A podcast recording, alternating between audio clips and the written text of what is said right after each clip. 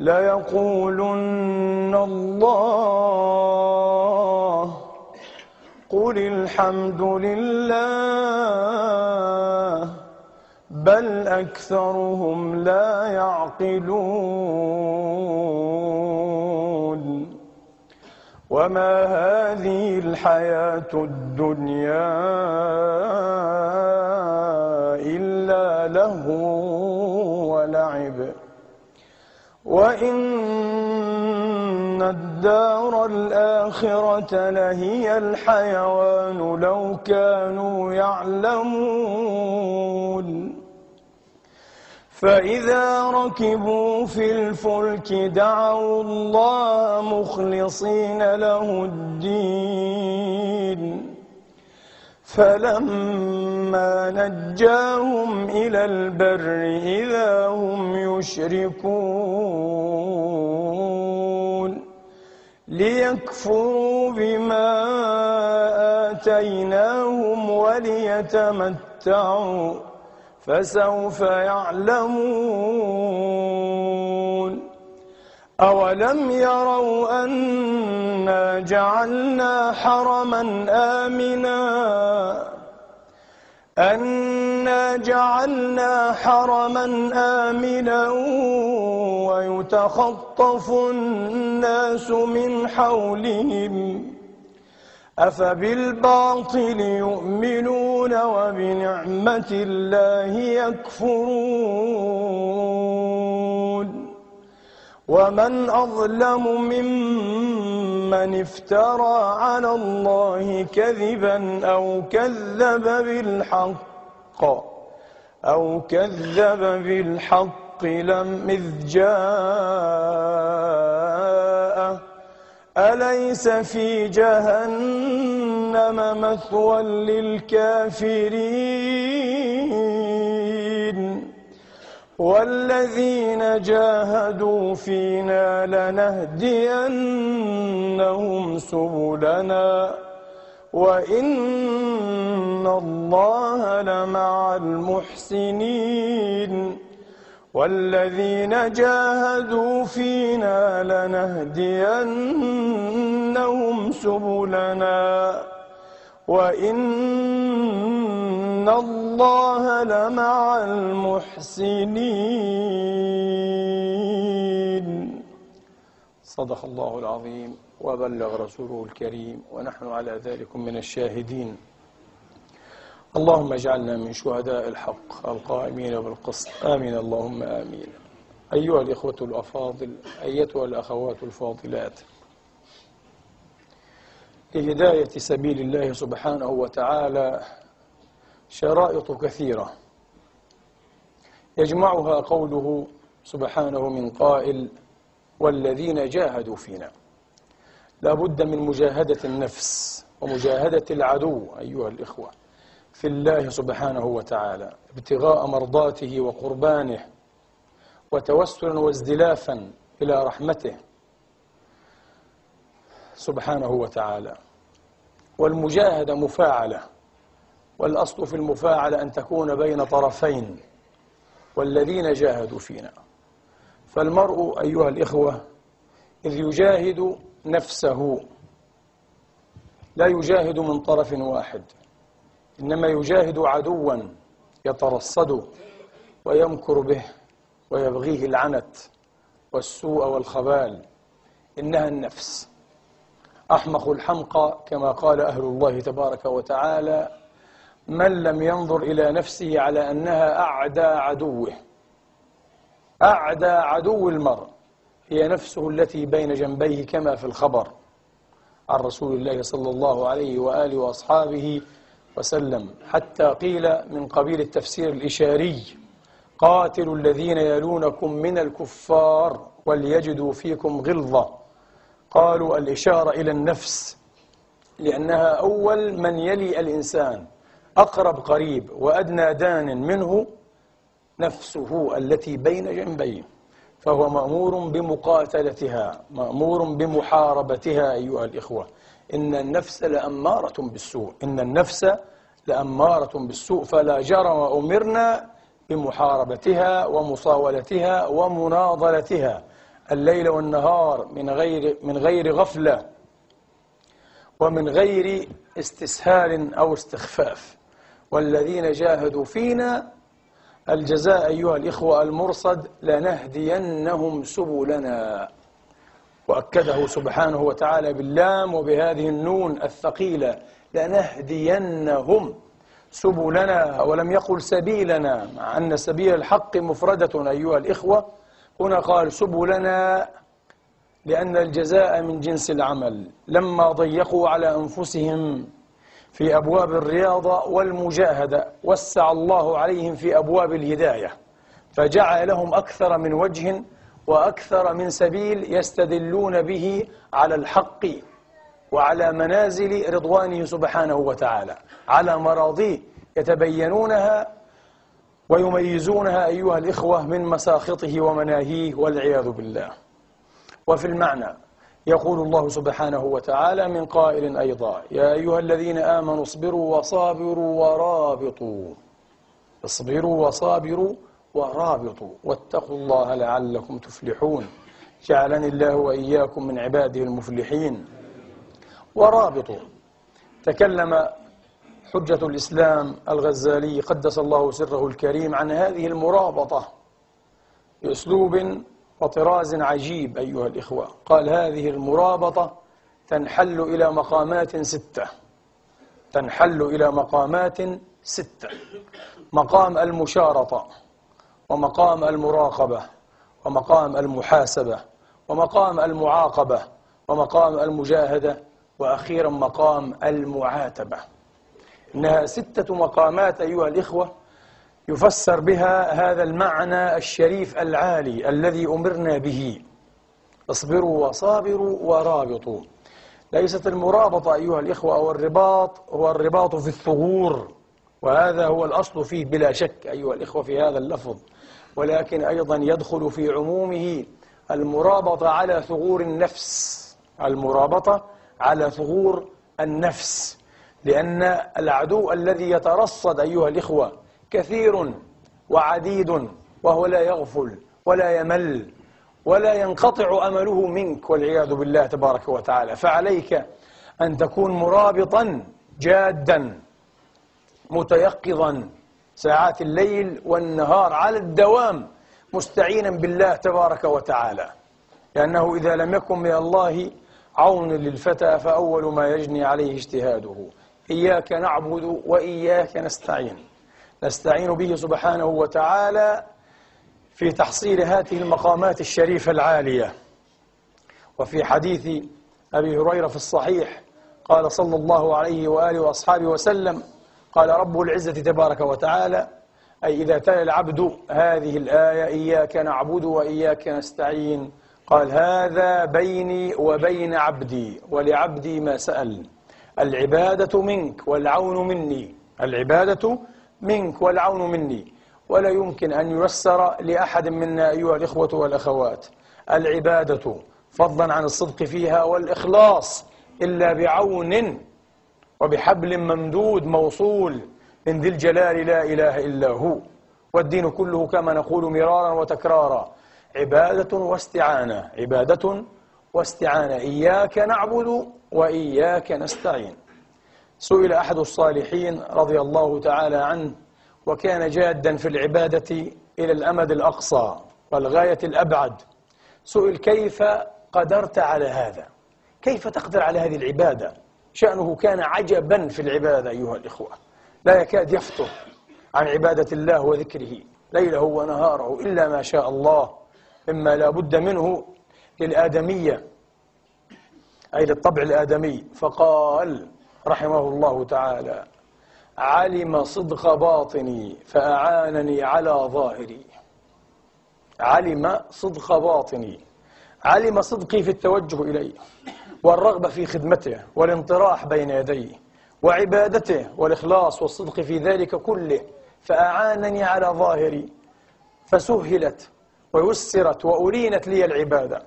بعض الناس لا يستطيع حتى أن يصلي الصلوات الخمس. ثقيلة ثقيلة جدا عليه بعضهم يصلي الظهر والعصر والمغرب إن صلى. أما العشاء والصبح فثقيلتان جدا. ينام عن العشاء والعياذ بالله في الصيف ينام قبلها وينام عن الصبح قبلها وبعدها فلا نامت أعين الغافلين عن ذكر رب العالمين. كما قال الفاروق وهو يحدد وقت صلاة العشاء. قال فلا فمن نام فلا نامت عينه. فمن نام فلا نامت عينه. فمن نام فلا نامت عينه. من نام عن صلاة العشاء لا نامت عينه. لا أنام الله هذه العين. ولعلنا نستنبط بطريق لطيف من هذا الأثر أيها الإخوة سببا من أسباب العلاج لمن ابتلي بالأرق. نقول له هل تحافظ على العشاء؟ هل تحافظ على الصبح؟ لعلك من المفرطين. فالله تبارك وتعالى تأذل ألا ينيم عينك. حافظ على الصلوات في أوقاتها. تنم إن شاء الله هانئا وادعا قريرا. والله تبارك وتعالى عنده وحده العلم والحكم. قال فمن نامت فلا نامت عينه. ولذلك كان صلى الله عليه وآله وأصحابه وسلم كما صح في الصحيحين يكره الحديث بعد العشاء والنوم قبلها. لا تنم عنها. فلعلك تظل نائما إلى الصبح فتفوتك والعياذ بالله. لا. كان يكره الحديث بعد العشاء. لماذا؟ لأن السهر والحديث بعدها ربما تأدى بصاحبه إلى النوم عن الفجر وأقله إلى النوم عن قيام الليل. فلا يقوم الليل ولو ركيعات قبل صلاة الصبح ولو ركيعات قبل صلاة الصبح. وقد قال صلى الله عليه وآله وأصحابه وسلم تسليما كثيرا في الذي نام ليله بطوله حتى أصبح أي لم يقم شيئا من الليل. قال ذلك رجل بال الشيطان في أذنيه والعياذ بالله تبارك وتعالى. ذلك رجل بال الشيطان في أذنيه وللشياطين وسائل وأساليب وحيل يتحيلون بها ويتوسلونها في تهدئة وهدهدة ابن آدم أيها الإخوة. آه حتى يغفل عن ذكر ربه وبالذات عن هذه الصلوات المفروضات عماد الدين وركنه الركين والعياذ بالله تبارك وتعالى. آه وفي حديث بلال الصحيح ما يشهد لهذا المعنى حين أمره صلى الله عليه وآله وأصحابه وسلم أن يرقب لهم الفجر أن يرقب لهم الفجر. يا إخواني أفسحوا لإخوانكم يفسح الله لكم. يبدو أن هناك ضيقا شديدا. قوموا جزاكم الله خيرا ولو نصف قومة. ثم تقدموا وأفسحوا لإخوانكم. إذا قيل لكم تفسحوا في المجالس فافسحوا يفسح الله لكم. وإذا قيل انشزوا فانشزوا. ارقب لنا الفجر. فقام بلال رضي الله تعالى عنه وأرضاه أيها الإخوة يصلي. ثم غلبته عيناه فنام. وهكذا طلعت الشمس. لم يقم أحد للصلاة آه حتى الرسول. فلما استيقظوا استيقظوا فزعين. فقال لهم صلى الله عليه وسلم إن هذا الوادي محتضر. فيه شيطان والعياذ بالله. ارتحلوا. فارتحلوا عنه مسافة ثم توضأوا. وصلوا ثم قال صلى الله عليه وسلم لأبي بكر رضوان الله تعالى عليه لقد أتى الشيطان بلالا وكان قائما يصلي فما زال يهدئه يهدئه يهدئه كما تهدئ المرأة صغيرها حتى وضع جنبه إلى البعير فنام النبي كشف بهذا أوحي إليه آه. فأتي بلال فخيله فقال صدقت يا رسول الله أشهد أنك رسول الله. بالضبط هذا ما حصل معي. أنت كنت نائما أنا كنت قائما وأصلي وما زلت أشعر بالخذلان بالثقل بالرغبة في النوم. حتى جلست ووضعت إيه؟ جنبي استندت إلى البعير فنمت. بالضبط هذا ما حدث. قال الشيطان فعل هذا. لعنة الله تعالى عليه. عجيب. أمر ابن آدم وأمر الشيطان والعياذ بالله تبارك وتعالى. يسهر إلى الساعة الواحدة الثانية الثالثة. على فيلم على مسرحية في مجالس طرب في مجالس له مجالس غيبة ونميمة ومحرمات والعياذ بالله. حتى إذا أراد أن يقوم إلى الصلاة أيها الإخوة لا يقوم صلاة الفجر وربما نام عن صلاة العشاء. يسهر الليل كله ولم يصلي العشاء. ثم بعد ذلك أيها الإخوة يسمح نفسه بأن يرقد ولا يصلي لربه الفريضة. عجب أمر هذا الإنسان. ألا يخشى الله ألا يستحي من الله؟ ألا يخاف الله؟ ألا يرجو لله الوقار؟ ما هذا التفريط؟ أين الجد؟ أين الحرص أيها الإخوة والأخوات؟ أين الصدق في معاملة الرب الجليل لا إله إلا هو؟ أين الصدق؟ أين الصدق؟ لكل شيء علائم لكل شيء شارات لكل شيء دلائل وشيات. علائم الإيمان ما هي؟ ما عساها تكون؟ علائم الإيمان المحبة الخوف الخشية الحياء. اليقين التوكل أيها الإخوة الصدق الإخلاص. هذه هي ثمرات الإيمان. هذه علائم الإيمان.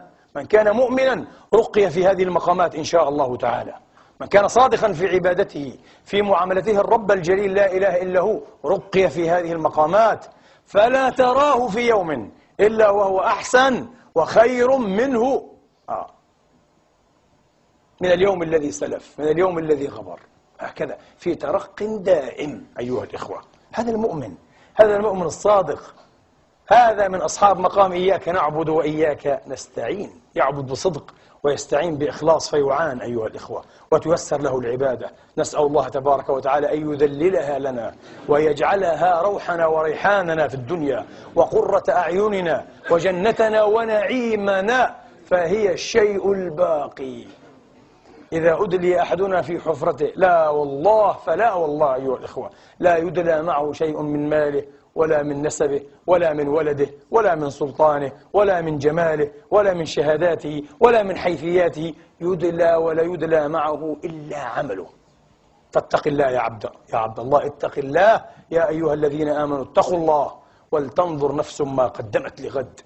إذا مقام المشارطة أيها الإخوة. ما معنى المشارطة؟ المشارطة أن تشرط على نفسك شروطا وأن توظف عليها وظائف لا تترك النفس هملا لا تترك حبلها على غاربها سدى هكذا ويا ضيعة الأيام تمضي سبهللا بعض الناس يترك نفسه أيها الإخوة فعلا هملا سدى كأنها ما خلقت إلا للعبث واللهو عجيب أين الوظائف؟ أين أورادك؟ هل لك أوراد؟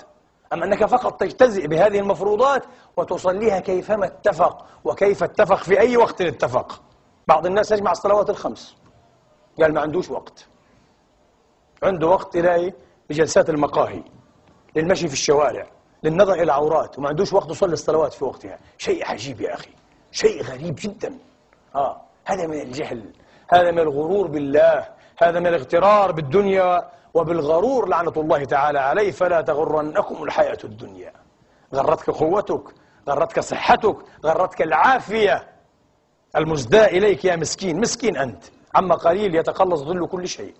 عما قليل تبتلى وتروع بأشياء وأشياء فهل لك مقام يوفر لك في الله تبارك وتعالى الرجاء إذا أنت دعوته بصدق الدعاء؟ أم أنك من الغافلين المفرطين؟ انتبه. لا. المشارطة اشرط عليها شروطا. ألزمها بأشياء. لا تتركها هكذا سدى. تذهب بك والعياذ بالله بل تهوي بك في شر مهواه تذهب بك في أودية الهلاك وأنت لا تدري. تجتزي في البداية بالصغائر ثم لا ترضى بعد ذلك إلا أن تنتهي بك في الكبائر. بل في أكبر الكبائر. وفي الأثر المعاصي بريد الكفر والعياذ بالله تبارك وتعالى. معصية تجر معصية. من رأيتم عنده سيئة ومعصية فاعلموا أن لها عنده أخوات. ولا بد. ومن رأيتموه على حسنة فاعلموا أن لها عنده أخوات. نسأل الله أن يكثر أخوات حسناتنا ومضراتنا وقرباتنا إليه سبحانه وتعالى. هكذا أيها الإخوة. وظف عليها وظائف. أين الأوراد؟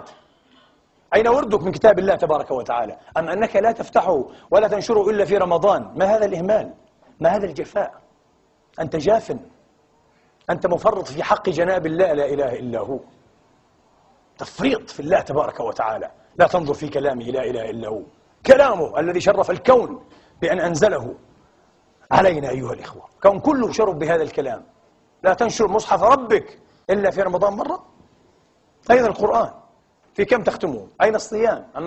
أم أنك لا تصوم إلا في رمضان؟ أين الوظائف؟ وظائف العبادة. هل تريد الجنة سماحا؟ هل تريدها مجانا؟ هل تريد أن تبلغ مقامات الصالحين وأن تحشر مع النبيين والمرسلين والعارفين بالله من أمة الدين وإخوانهم بالدعوة والسكون والنوم الطويل والأكل والشراب والحطب في حبل الله والعياذ بالله. هذا لا يكون ولن يكون. أفنجعل المسلمين كالمجرمين؟ ما لكم كيف تحكمون؟ لا يستوي مؤمن وفاسق لا يستوي مجاهد أيها الإخوة ومنحل لا يستوي عامل وبطال لا يستوي جاد وهازل في عبادة الله تبارك وتعالى أين الوظائف؟ أين وظائف الذكر؟ كم تذكر ربك في اليوم؟ كم تستغفره؟ كم تسبحه؟ كم تهلله؟ كم تحمده؟ كم تسأله الإقالة؟ وأن يصحح لك أحوالك وأن ينتشلك من أوحال الغفلة والعياذ بالله كم تصلي على نبيك صلى الله عليه وآله وأصحابه وسلم تسليما كثيرا أبدا أبدا دائما دائما. كم تصلي عليه؟ وبه أخرجك الله من الظلمات إلى النور. به أصبحت إنسانا سويا إنسانا له مكان وله مقام. أصبحت مؤمنا يا عبد الله مسلما. تعرف كيف تخاطب ربك؟ تعرف ربك أولا. تعرف ما ينبغي له من الصفات. الجميلة الجليلة والأسماء الحسنى. أيها الإخوة الجميلة الجليلة والأسماء الحسنى. أيها الإخوة تعرف هذا؟ تعرف كيف تدعوه؟ كيف ترجوه؟ تعرف كيف توقره؟ كيف توقر أحكامه أمره ونهيه لا إله إلا هو؟ كيف تزدلف إليه؟ كيف تتوسل إلى قرباته سبحانه وتعالى أو إلى قربانه بإتيان قرباته؟ تعرف هذا؟ من دلك على هذا؟ تعرف الأدب؟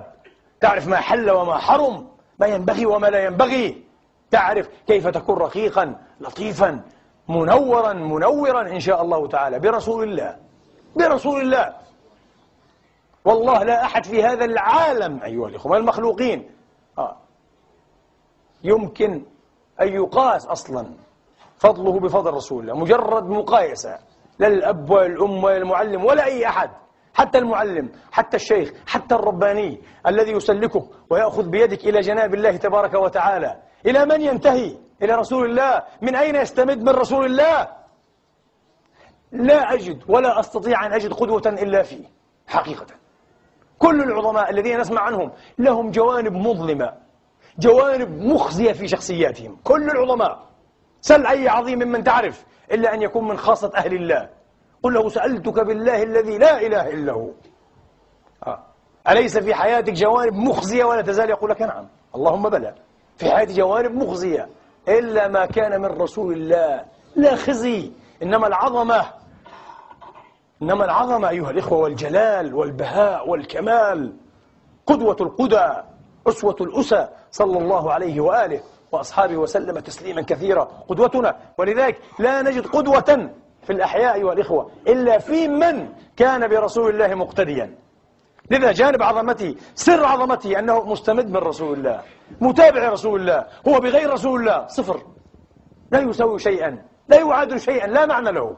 في باب القدوة هؤلاء هم أولياء الله أهل الله العلماء العاملون الصادعون بالحق الذين يعلمون الآداب الظاهرة والباطنة والإخلاص والصدق أيها الإخوة واللطف والشوق والمحبة والخشية والرجاء واليقين والتوكل والاعتماد. وطلب الإحساب والكفاية من رب العالمين. كلهم من رسول الله مقتبس كلهم من رسول الله مستمد, مستمد صلى الله عليه وآله. ما ذكره الذاكرون. وغفل عن ذكره الغافلون. كم وردك في الصلاة عليه أتصلي عليه أم أنت غافل عنه؟ لك لا تكاد تشعر خاطرك وقلبك ووجدانك بفضله عليك. صلى الله عليه وآله وأصحابه وسلم. ثم أنت ترغب وترجو أن يكون شفيعك يوم القيامة. وأن ترد حوضه عليه صلى الله عليه وسلم.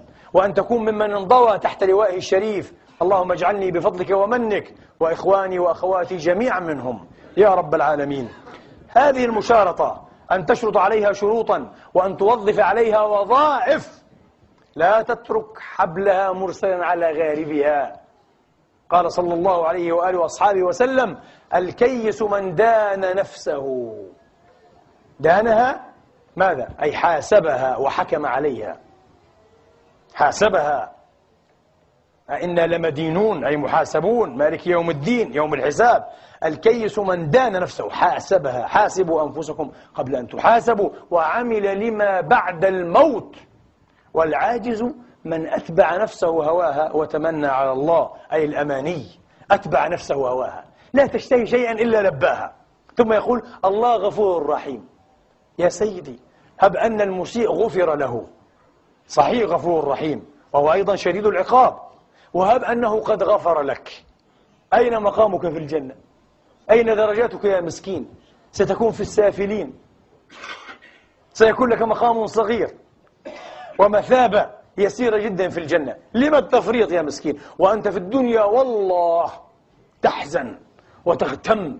يقتلك الغم والحسرة والحزن. إذا رأيت بعض إخوانك أو بعض أصدقائك ومعارفك ومن كان دونك سبقك في الدنيا وصار إيه أمامك وفوقك. تحسن جدا وتتحسر. عنده أموال ولا أموال عندي. عنده شهادة عليا وليس عندي شهادة. عنده كذا ولي. دنيا تغار. أين الغير الإيمانية؟ لما تغار غير أي إلهية ربانية؟ لما ترضى أن يسبقك أحد إلى الله تبارك وتعالى؟ ترضى بهذا لأنك لست جادا في عبادته أنا أقول لك الحقيقة لست جادا. أنت لا تطلبه. ولو طلبته لوجدته أنت لا تطلبه. أنت لست جادا. أنت لم تسر أصلا في طريقه. ولا تريد هذا. ولا تفكر فيه. انتبه. ولذلك قال من دان نفسه أدن هذه النفس. واحكم عليها. ادمغها. صمها. وقل لها لا كنت ولا كانت أيامك وفعالك. لأستقبلن بك مرحلة في حياتي جديدة. لأزمنك ولأخطمنك ولآخذن بقيادك سلسا إلى رب العالمين. شئت أم أبيت؟ حتى تطمئن بالخير فتنادى يا أيتها النفس المطمئنة ارجعي إلى ربك راضية مرضية. ولا تطمئن النفس بالخير يا إخواني وبالإيمان وبصالح العمل إلا بعد طول مجاهدة ومرابطة ورابطوا واتقوا الله لعلكم تفلحون. إلا بعد طول مجاهدة ومرابطة سنوات. سنوات طويلة وطويلة وطويلة. لكن ما أحلاها. يا ما أحيلاها كلها في ذات الله. كلها بعين الله. كلها بسمع الله. كلها في مرضاته. ما أحيلاها يا ما أحيلا ذكرياتها أيها الإخوة. ذكريات هذه الأيام والليالي. أحلى شيء. يبكى عند الموت على تلكم الساعات التي كان يبكى فيها من خشية الله. وشوقا إلى الله. وحبا في الله تبارك وتعالى. الله. يقول أحد الصالحين دخلت على فتح الموصلي قدس الله سره الكريم. فرأيته رفع كفيه إلى السماء يبكي. ودموعه تتقاطر من بين أصابع كفيه. فقلت بالله وقد اقتربت منه فلحظت أي رمقت صفرة في دموعه. كأنها يخالطها الدم صفرة. فقلت بالله يا فتح بكيت الدم؟ فقال والله لولا أنك استحلفتني ما أخبرتك. إي قد بكيت الدم. فقلت الله أكبر. لما بكيت الدموع أصلا؟ لما أنت بكاء؟ فتح. كان له لسان في الخشية والخوف من الله وكان من البكائين في هذه الأمة. لما تبكي؟ لما الدموع كثيرة؟ مغزارة. لما بكيت الدموع يا فتح؟ فقال بكيتها. من أجل عدم وفائي بحق جنابه. لا إله إلا هو. على ما فرطت في جنب الله على ما فرطت في جنب الله. قال أنا مفرط في جنب الله. فأبكي لهذا. قلت ولم بكيت الدم إذن؟ قال بكيت الدم على دموعي ألا تكون صحت لي. لعلني في بكائي أيها الإخوة بالدموع لست صادقا. لعل هذه الدموع لم تتقبل مني عند الله فأنا أبكي عليها يبكي على بكائه حتى نفدت أيها الإخوة. الدموع وصار يخالطها شيء من دم. بعض الناس أضروا من كثرة البكاء. كثيرون في هذه الأمة أئمة. أئمة بعضهم أئمة وحفاظ كبار. ذكر في تراجمهم أنهم فقدوا بصرهم لكثرة البكاء. يبكون ليل نهار من خشية الله وشوقا إلى الله. فعموا عموا. ما أحسن ما أبصر هذا العمى ما أنور هذا العمى أيها الإخوة. قال ثم توفاه الله إلى رحمته فعرض لي في المنام بعد حين فقلت له أي فتح؟ بالله ما فعل الله بك. فقال الحمد لله قد غفر لي. قال فسألته والدموع ما صنع بها؟ ما صنع الله بدمعك يا فتح والدموع ما صنع بها؟ قال قربني إليه تبارك وتعالى وسألني يا فتح لما بكيت الدموع؟ قلت أي رب بكيت الدموع على عدم قيامي بحق جنابك. قال ولم بكيت الدم؟ فقلت على دموعي ألا تكون صحت لي. قال وعزتي وجلالي وعزتي وجلالي. ما أردت بهذا وقد صعد حافظاك إلي أربعين سنة وما في صحيفتك خطيئة من الخطايا؟ الله يقول له مثلك يبكي؟ الله يقول له أنت تبكي يا عبدي يا حبيبي.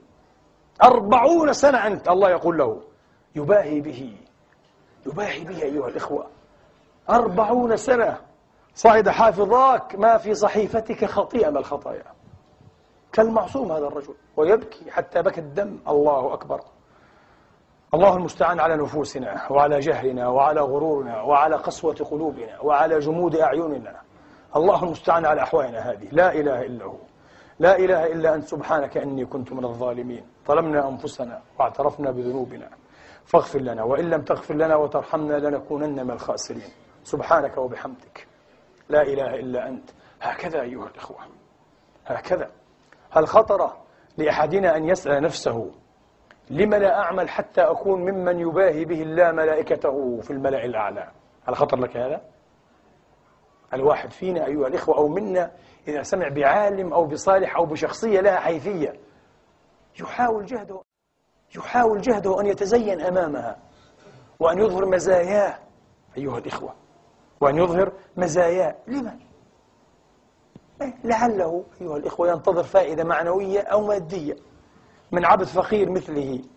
كما قلنا هذا العبد لعله إن صح في إعطائك ما تريد وما ترجو منه وما تؤمل لعله لا يستطيع لأن الموت يحول بينه وبين ذلك. لعله تعرض له حوائل أخرى كثيرة. عبد مسكين هذا هو مفتقر مثلك. هو فقير مثلك إلى رحمة الله.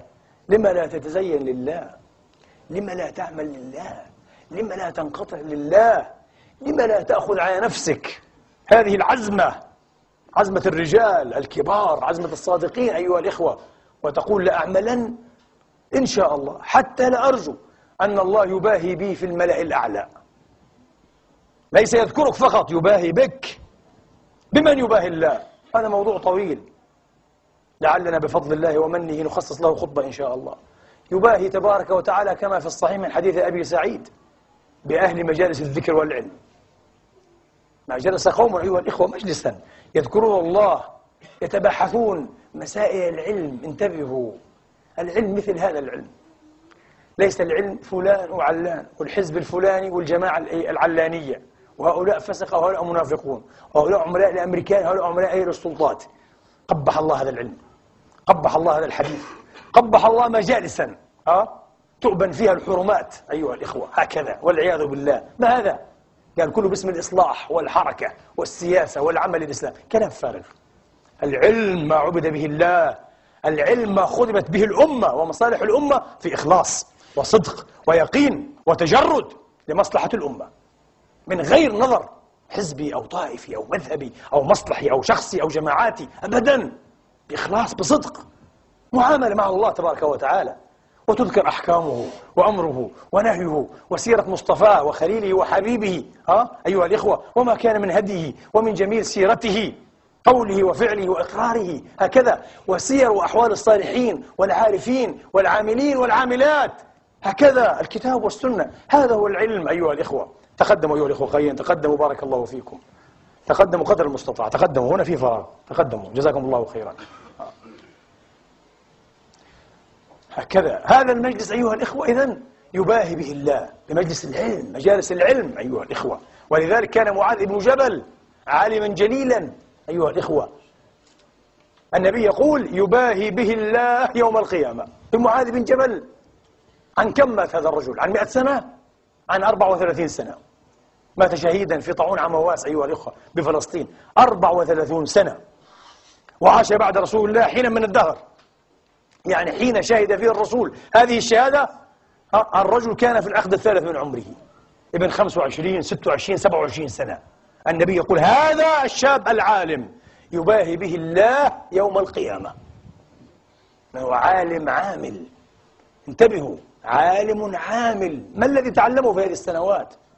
بالحري لم يتعلم كل شيء ولم يفقه كل شيء لكنه كان يعمل بما علم وعنده نفاذ. وبصيرة في العلم أيها الإخوة. اسمه النفاذ.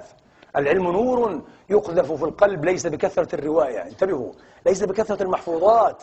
العلم نور إلهي. نسأل الله أن يقذف من أنواره في قلوبنا ويقدسها بما قدس به ضمائر الصالحين أيها الإخوة. هكذا هذا يباهي به الله تبارك وتعالى. الله عز وجل يباهي ملائكته بالشاب الذي لا صبوة له. احرص على أن يكون أبناؤك وبناتك لا صبو لهم ولهن. ما معنى لا صبو له؟ لا صبو له لا فلت له. لم يحدث أنه إيه فعل فاحشة في يوم من الأيام. لم يشرب كأسا من بيرة فضلا إيه عن كأس من الخمر أيها الإخوة. ها؟ لم يهتك عرضا للمسلمين. أبدا هذا الشاب يتقي الله مع أنه شاب وعنده غريزة أيها الإخوة تفتت الصخر لكن هو يزمها. ها؟ ودائما يذكر نفسه إني أخاف الله. يخشى الله ويستحي منه حق الحياة. هذا الشاب الله يعجب ويباهي به ملائكته. انظروا إلى عبدي. ما هذا الشاب العظيم؟ الله يقول. الله شيء عظيم يا إخوان. لذلك احترموا. احترموا شابا نشأ في طاعة الله. احتضنوه. باركوا عليه. وبركوه. وشجعوه. قد يكون شفيعكم إلى الله تبارك وتعالى. مساكين نحن. احترموا أمثال هؤلاء الشباب. واحرصوا. على أن يقضي شبابه وفترة مراهقته بلا صبوة إن شاء الله تعالى. ليكون من عظماء الأمة بالقلوب الطاهرة. الألسنة النقية التي إذا دعت لبيت. اللهم اجعلنا منها. قال سبعة يظلهم الله في ظله. قال شاب نشأ في طاعة الله. هذا يباهي به الله تبارك وتعالى. الله يباهي بالرجل. يكون في مضجعه ربما إلى جانب أهله زوجه. فيثور من الليل. ألذ وأطيب ما يكون المنام. ألذ والملعون لعنة الله تعالى عليه. لا يطيب لك النوم إلا ساعة تريد أن تقوم لصلاة قيام الليل. يصبح المنام أطيب شيء وألذ شيء. وتثقل الجفون الإشفاء به أيها الإخوة. لكن العبد الصالح يهب أيها الإخوة. قد ضبط الساعة ضبطها لأنه جاد. لا يقول إن شاء الله أنا أقوم لأنني أقوم كل ليلة. لا لا لا. يضبط الساعة. لو كان أمامه 100 يورو لضبطها. لو أمامه امتحان يضبطها يضبطها لقيام الليل يا رجل. اصدق الله اصدق الله.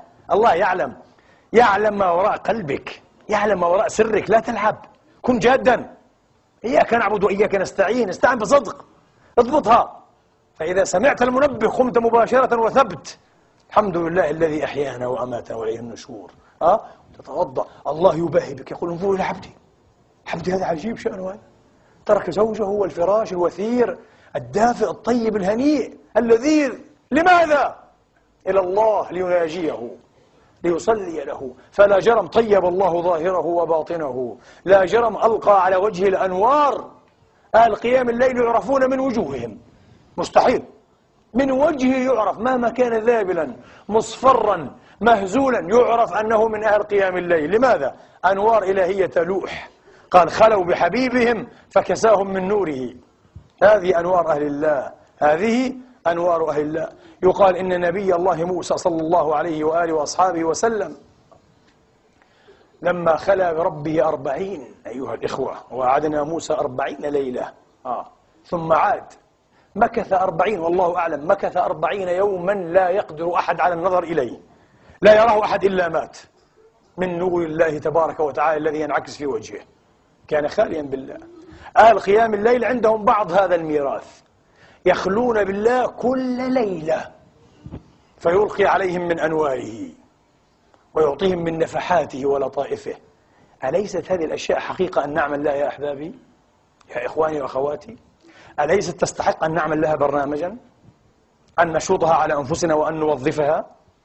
مشارطة ومحاسب ومراقبة. بعد ذلك تأتي المراقبة. تراقب نفسك. آه. لا تكن كالوالد أو الوالدة المهملة آه. يشرط على ابنه أن يجتهد في الدراسة وأن يصيب أعلى حظوظ النجاح ثم هو يتركه لا يراقبه لا عليك أن تراقب كل يوم يلعب يحضر التلفزيون يتسربح في الشوارع عم يدرس ويجتهد ويكتب ويحل ويتزود من العلم عليك أن تراقب باستمرار لماذا؟ لأن عليك رقيبا لا ينام ألم يعلم بأن الله يرى؟ أمن هو قائم على كل نفس بما كسبت. تعلم أنه لا ينام وأنه رقيبك. فأحرى أن تراقب أنت أمر نفسك حتى لا يطلع عز وجل منك على ما يسوء على ما يقسم الظهر. حتى لا يطلع منك على فواخر على بلايا على مصائب يصاب بها بعض المسلمين والمسلمات. لا عليك أن تراقب نفسك تماما. بعد المراقبة تأتي المحاسبة. آه هنا تقصير. هنا خطأ هنا زلت القدم هنا عثرت لما؟ ومن أين أتيت وكيف دهيت؟ عليك أن تحاسب نفسك. حساب الشحيح الشريك الشحيح شريكه كما قال ميمون بن مهران. قال لا يبلغ عبد حقيقة أن يكون من المتقين حتى يحاسب نفسه حساب الشريك الشحيح شريكه. حاسب نفسك حسابا شديدا. ليتيسر حسابك ويلين عليك يوم القيامة فسوف يحاسب حسابا يسيرا. اللهم اجعلنا منهم. الجزاء من جنس العمل الجزاء من جنس العمل. فإذا تبينت من أين دهيت لم تترك نفسك وحالها بل أخذتها بعقاب. لابد أن تحاقب. لابد أن تحاقب. عبد الله بن عمر كان إذا فاتته صلاة جماعة أحيا الليل بطولها. لا ينام. يقول قصرت الآن لأي سبب؟ الآن لن تنام هذه الليلة. فيحيي الليل كلها. وأخر مرة صلاة المغرب شغل عنها بشيء. غفل ليس عمدا. غفل عن صلاة المغرب فرأى الكوكب قد طلع فأعتق رقبتين. رقبتان أيها الإخوة تعتقان بتأخير صلاة المغرب. لم يفت وقتها لكن أخرها. ربما نصف ساعة أربعين دقيقة. أعتق رقبتين. أبلغ منه وأحزم أبوه عمر رضوان الله تعالى عليه. لم يفت وقتها لكن أخرها ربما نصف ساعة أربعين دقيقة. أعتق رقبتين. أبلغ منه وأحزم أبوه عمر رضوان الله تعالى عليه. كان يعمل مرة في أرض له. ولعلها الأرض الوحيدة التي لا يملكها. قطعة أرض بسيطة لا يملك الدنيا إلا هي. فأخرته عن صلاة الجماعة. يقال العصر. فأتى والناس قد عادوا. فعاد وتصدق بأرضه كلها. خرج عنها. تركها لله. جهاد عقاب شديد جدا هذا. هذا الجهاد هذه المرابطة. قال والذين جاهدوا فينا. هذه المجاهدة ورابطوا هذه المرابطة من مقام المعاقبة. روى الإمام مالك قدس الله سره في الموطأ. عن عبد الله بن أبي بكر قال أن أبا طلحة الأنصاري الصحابي الجليل الجبل الفارس الشجاع زوج أم سليم أم سيدنا أنس رضوان الله عليهم أجمعين. أن أبا طلحة الأنصاري رضي الله تعالى عنه وأرضاه كان في بستان له أو قال كان في حائط له. البستان إذا كان أي مسورا يقال له الحائط. إذا قيل بستان ربما لا يكون مسورا بلا سور. كان في حائط له ويصلي. إذ صار دبسي دبسي نوع من العصافير من الطيور. يقال له الدبسي. إذ صار دبسي فجعل يلتمس مخرجا. يريد أن يخرج يطير ولا يعرف أين المخرج. فأعجب أبا طلحة ذلك. يعني أعجب ذلك أبا طلحة. فأتبعه بصره وهو يصلي نسي أنه في الصلاة. غفل للحظات عن صلاته. انتبهوا. فأتبعه بصره ويعجبه ذلك. الخلق هذا العجيب من خلق الله تبارك وتعالى. عنده عقل وإدراك آه، ينشد الحرية يلتمس المخرج لا يدري من أين. ثم عاد إلى نفسه ولم يدري كم صلى. قال كم صليت؟ ثلاثا أو أربعا؟ لا أدري. حتى إذا انفتل من صلاته أتى الرسول صلى الله عليه وآله وأصحابه وسلم. فقال يا رسول الله قد عرض لي في مالي هذا فتنة. فضعه حيث أراك الله. لا أريد هذا البستان كله. في بعض الروايات بيع بخمسين ألفا. خمسين ألف دينار. ثروة هائلة أيها الإخوة. لماذا؟ ما هي الفتنة يا أبا طلحة؟ نعم. الآن كل واحد فينا يفتن كل يوم عشرات المرات في كل صلاة. لا يحاسب نفسه لا يراها فتنة أصلا لا أبدا أصلا هو يدخل الصلاة ويخرج كأنه لم يصلي ولا يدري شيئا ولا يعنيه الأمر. مسكين. كما قلت لكم هم كانوا جادين يريدون الآخرة يريدون ما عند الله. كانوا صادقين. يعلمون أنها سويعات قليلة وعما قليل يرتحلون ينادى بهم فيرتحلون. لذلك كانوا يعملون ولتنظر نفس ما قدمت لغد. حاسبوا وشارطوا وراقبوا وعاقبوا وجاهدوا وعاتبوا ووبخوا. مقامات ستة أيها الإخوة والأخوات تركها لله. الإمام مالك يروي أيضا والبخاري ومسلم رضوان الله تعالى عنهم أجمعين عن عائشة رضي الله تعالى عنها أنه صلى الله عليه وآله وأصحابه وسلم أهدي إليه. والمهدي كان أبو الجهم ابن حذيفة. أبو الجهم أهدى إليه خميصة شامية. الخميصة ثياب الرقاق ثوب الرقيق. آه. يقال فلان إيه خمصان وهي خمصانة إذا كانت إيه ضعيفة. هذا هو. آه. مخمص الضعيف. آه. ثوب إيه؟ خميص ثوب الرقيق. رقيق جدا. وإذا طوي يكون صغيرا ضئيلا. لذلك يقال له إيه؟ الخميصة. هذا الخميصة. أهدى إليه أبو الجهم بن حذيفة خميصة شامية لها علم. فيها خطوط. آه. ليست سادة كما نقول. فيها خطوط. آه. والعلم يكون إيه؟ من لون غير لون إيه؟ اللفق فيها علم. فلبسها النبي فصلى فيها. صلاة واحدة. فكأنه نظر إلى علمها. فلما فرغ من صلاته نزعها عنه. النبي مستاء منها. وقال اذهبي بها. في رواية اذهبوا بها إلى أبي جهم. لا أريد هذه الخميصة في رواية في الصحيح وأتوني بأنبجانية ثوب غليظ كساء غليظ ليس له علم. قد فتنتني في صلاتي آنفا. قال فتنة. فتنة يا رسول الله؟ يا رسول الله صلى الله عليه وآله من أمتك من يزني يا رسول الله؟ يا رسول الله من أمتك من يعاقر الخمر يا رسول الله؟ من يأكل حرام يا رسول الله ولا يرى في هذا فتنة. فإنا لله. إنا لله. من أمتك من يمس ما لا يحل له ومن ينظر إلى ما لا يحل له ولا يرى في هذا فتنة يا رسول الله. وأنت وأنت من أنت. لأنك نظرت إلى علم الخميصة. ربما لعلها نظرة أو كسر نظرة. عددت ذلك فتنة. صلى الله عليه وآله وأصحابه وسلم. كيف لا؟ وهو المقول له. لا تمدن عينيك إلى ما متعنا به أزواجا منهم زهرة الحياة الدنيا لنفتنهم فيه. لقد انقضى الوقت أيها الإخوة والأخوات وما دخلت في صلب موضوع الذي عزمت وزورت في نفسي أن أحدثكم فيه ولكن سأعطيكم فيه خلاصة إن شاء الله تعالى.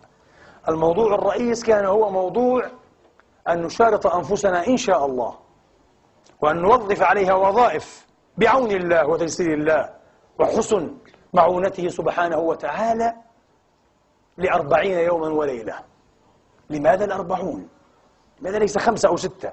حتى اليوم شيء طيب لكن أربعون بالذات لها سر كبير. ووعدنا موسى أربعين ليلة. قال فإنها محرمة عليهم أربعين سنة. يتيهون في الأرض يتيهون في الأرض الأربعون. وفي الصحيحين بل في الكتب الثمانية. في الموطأ وأحمد والكتب الستة من حديث عبد الله بن مسعود. آه. قال صلى الله عليه وآله وأصحابه وسلم. آه. عفوا من حديث أبي الجهيم من حديث أبي الجهيم. أستغفر الله نعم. قال صلى الله عليه وسلم لو يعلم المار بين يدي المصلي عظم ما يأتي لكان أن يبقى واقفا أربعين. آه. خير له. من أن يقطع بين يدي المصلي. قال أبو النضر لا أدري. أقال أربعين يوما أو شهرا أو سنة. آه والأشبه عند بعض الأئمة أنه قال أربعين سنة. أربعون أيضا يذكر أربعين. وفي الصحيحين وغيرهما من حديث ابن مسعود قال صلى الله عليه وسلم قال سمعت الصادق المصدوق صلى الله عليه وسلم يقول إن أحدكم يجمع خلقه في بطن أمه أربعين يوما أو قال ليلة نطفة ثم يكون علقة مثل ذلك ثم يكون مضغة مثل ذلك إلى آخره. وفي الصحيح إذا وقعت النطفة في الرحم فمر عليها أربعون ليلة تسور عليها الملك فيأتي ليصورها. لماذا أربعون؟ أربعون. فيها سر هذه الأربعين أيها الإخوة. هذه الأربعين فيها إيه؟ فيها سر. آه.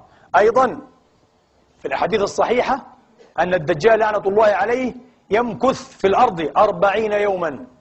وفي الصحيح أن عيسى عليه السلام حين ينزل يمكث في الأرض قبل أن يتوفاه الله أربعين سنة. أربعين أربعين أربعين. كلها أربعينيات أيها الإخوة. نعم. وأيضا في حديث الإمام الترمذي وهذا من أهم ما يهمنا. طبعا لو ذهبنا نحصي شواهد الأربعين وقد حاولت بعض ذلك فملأت أزيد من خمس صفحات أحاديث.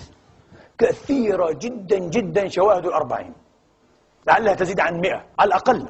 آه. كثيرة جدا. هذه أشهرها. هناك الكثير لأن الوقت قد ضاق أيها الإخوة.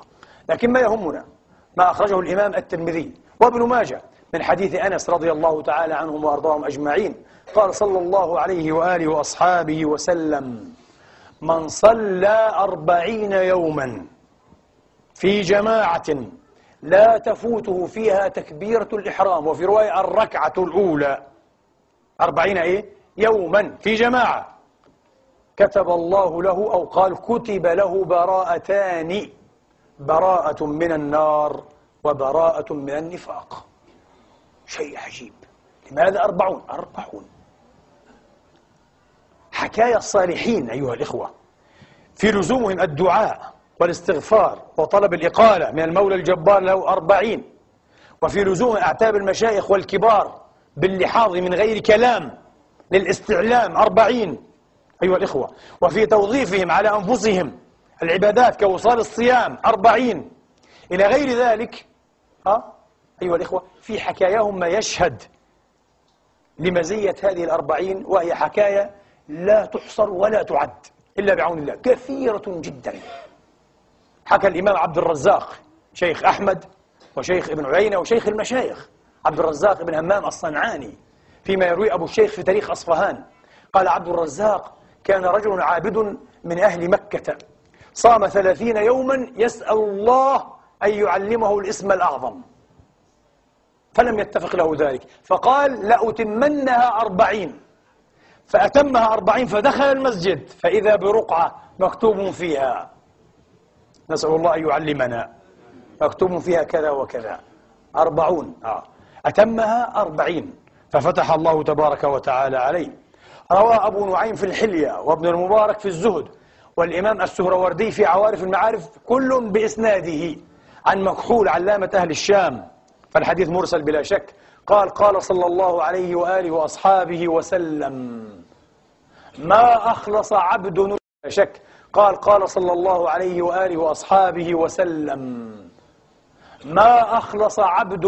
ما أخلص عبد العبادة لله أربعين يوما إلا أجر الله ينابيع الحكمة من قلبه على لسانه وفي معجم الطبراني الصغير قال صلى الله عليه وآله وأصحابه وسلم لسعد بن أبي وقاص يا سعد أطب مطعمك تكن مستجاب الدعوة ووالذي نفس محمد بيده إن العبد لا يقذف باللقمة الحرام في جوفه.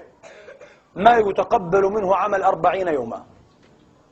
في صحيح مسلم والإمام أحمد في المسند عن بعض أزواجه صلى الله عليه وآله قال صلى الله عليه وآله وأصحابه وسلم تسليما كثيرا من أتى عرافا فسأله فصدقه لم تقبل له صلاة أربعين يوما. أربعين يوما. من شرب الخمر لم تقبل له صلاة أربعين يوما. من شرب الخمر في حديث ابن عمر بخست صلاته أربعين ليلة. كثير هي هذه الأربعون. الرباط في سنن سعيد بن منصور عن أبي هريرة رضي الله تعالى عنه قال ومن رابط أربعين فقد استكمل الرباط. ولذلك لما جاء رجل رابط في الثغور يعني ضد أعداء الله لما جاء رجل وقال عمر كنت مرابطا سأله عمر كم رابطت؟ قال ثلاثين. فقال عمر قدس الله سره ألا رابطت أربعين؟ لماذا لم تكملها أربعين؟ لما تلمح عمر بن الخطاب من مزية الأربعين. أعتقد بهذه الشواهد اليسيرة حصل المراد والمقصود إن شاء الله تعالى. فيرتب عليه أيها الإخوة أن على أحدنا مستعينا بالله تبارك وتعالى أن يأخذ نفسه بعزم حديد. بعزم حديد؟ أن يوظف هذه الوظائف ويشرط هذه الشروط على نفسه أربعين يوما وليلة.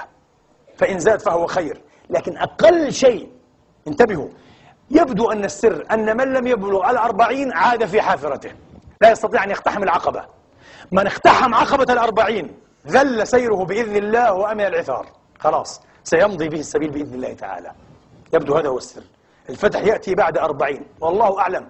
ولذلك روى أبو نعيم عن كعب قال المتخلق إلى أربعين ثم يعود إلى خلقه يعني يقول كل إنسان يمثل ويحاول أن يتخلق بخلق لم يكتسبه بطول المراس والمران أو لم يجبل عليه يستطيع أن يمثل وأن يتخلق بهذا الخلق أيها الإخوة أه؟ إلى أربعين كحد أعلى ولا يجاوز ذلك ثم يعود في حافرته إذا كعب نفسه أيضا تلمح إيه؟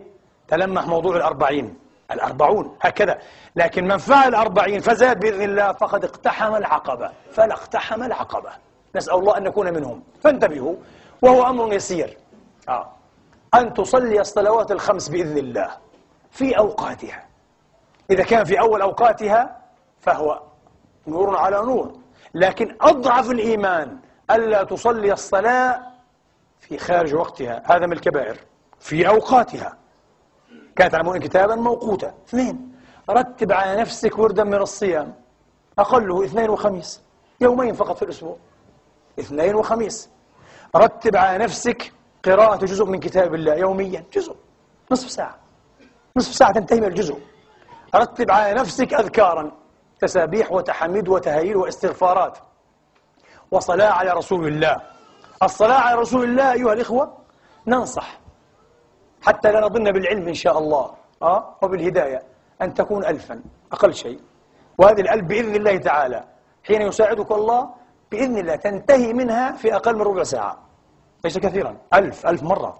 النبي حين بشر أيها الإخوة ببشرى والآن ستأتيكم رآه الصحابة ساجدا لله. شوف الرحمة الوفور يفرح لنا. يشكر من أجلنا. لماذا يا رسول الله؟ قال أتاني جبريل آنفا. فقال لي أبشر وبشر أمتك أن من صلى عليك صلاة واحدة صلى الله عليه بها عشرا وكتب له عشر حسنات ومحى عنه عشر سيئات ورفعه عشر درجات وفي بعض الروايات واحدة من كل حسنة وسيئة ودرجة ولكن صلى عليه بها عشرا فقال فسجدت شكرا لله فرحا لنا فرحا لنا وفرحا بالمصلين عليه منا أبخل البخلاء من ذكرت عنده فلم يصلي عليه. صلى الله عليه وآله وأصحابه وسلم دائما وأبدا. أيها الإخوة صلى. لماذا نقل زروق في قواعد التصوف قدس الله سره عن بعض الكبار؟ أنه عند انقطاع المشايخ عند انقطاع القدوة الكاملة والشيخ الكامل الواصل الصادق بإذن الله. وأنت تريد أن تسلك السبيل إلى الله. ماذا تفعل؟ قال تصلي على رسول الله كل يوم ألف مرة. بإذن الله روحانية رسول الله تتولى تربيتك. تصير في فتح محمد عليك بإذن الله. مش من المشايخ مش من الناس من رسول الله. لكن ألف أقله ألف. شيء طيب وجميل أيها الإخوة. في الجانب الآخر وبه نختم ترك المعاصي. اترك معاصيك. اترك كل ما يغضب الله ظاهرا وباطنا. وذروا ظاهر الإثم وباطنه. إياك أن تستبقي منها ولو شيئا يسيرا. لن يفتح لك. مستحيل. مستحيل أن الله لأن الله لا يحتاجك لا يحتاج أحدا منا. الله يريد الطاهر الطيب النظيف ولو بالنية. فالنية تكون ترك كل ما يغضب الله إن شاء الله تعالى. قد لا تستطيع وقد تعود لكن سيكون هذا إيه؟ زلة وعثارا. تستغفر وتعود إلى التوبة إن شاء الله تعالى. لكن إياك أن تستسلف نية المعصية. تريد أن تسلك إلى الله وفي القلب آه نية. مستحيل. لن يفتح لك. ستترك. وهو لا يحتاجك. سيقول لك اقعد مع الخالفين لست أريدك لست منهم لست من أحبابي. فاستعينوا بالله إن شاء الله على ترك المعاصي جميعا. واستعينوا بأركان المجاهدة الأربعة. طول الصمت. احبسوا اللسان. إلا عن كلام فيه خير في دين أو دنيا. الكلام المرسل السائب الفارغ هذا اتركوه. لا تحتاجونه إن شاء الله. وهذا لا يعين عليه إلا ماذا؟ إلا قلة مخالطة الناس إلا ما لا بد منه. بعض الناس لا يستطيع أن يجلس وحده ساعة حتى مع ربه إيه؟ اجلس. آه. تأنس بالله تأنس بذكري. العزلة اعتزل. إلا ما لا بد منه. أه؟ والسهر قيام الليل. ولو ساعة يا إخواني. لو نصف ساعة قبل صلاة الفجر. أنت تصلي الفجر في وقتها مثلا. أه؟ الآن الفجر على الساعة الرابعة وخمس دقائق. قوم الساعة الثالثة ونصف. مش كثير. نصف ساعة. تتوضأ وتصلي ثماني ركعات يسيرات تتعود. بعد ذلك لا يغنيك هذا.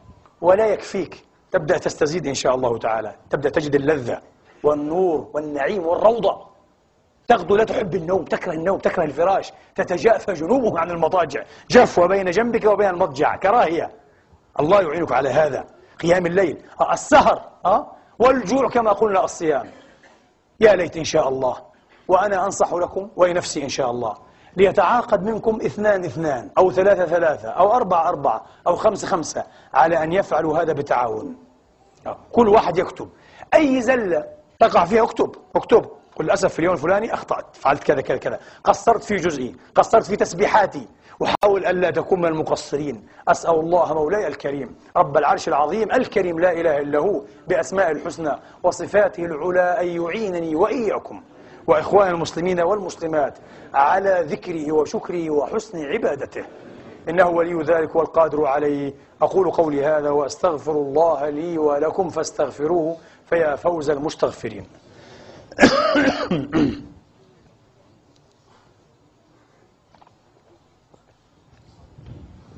الحمد لله. الحمد لله الذي يقبل التوبة عن عباده ويعفو عن السيئات ويعلم ما تفعلون.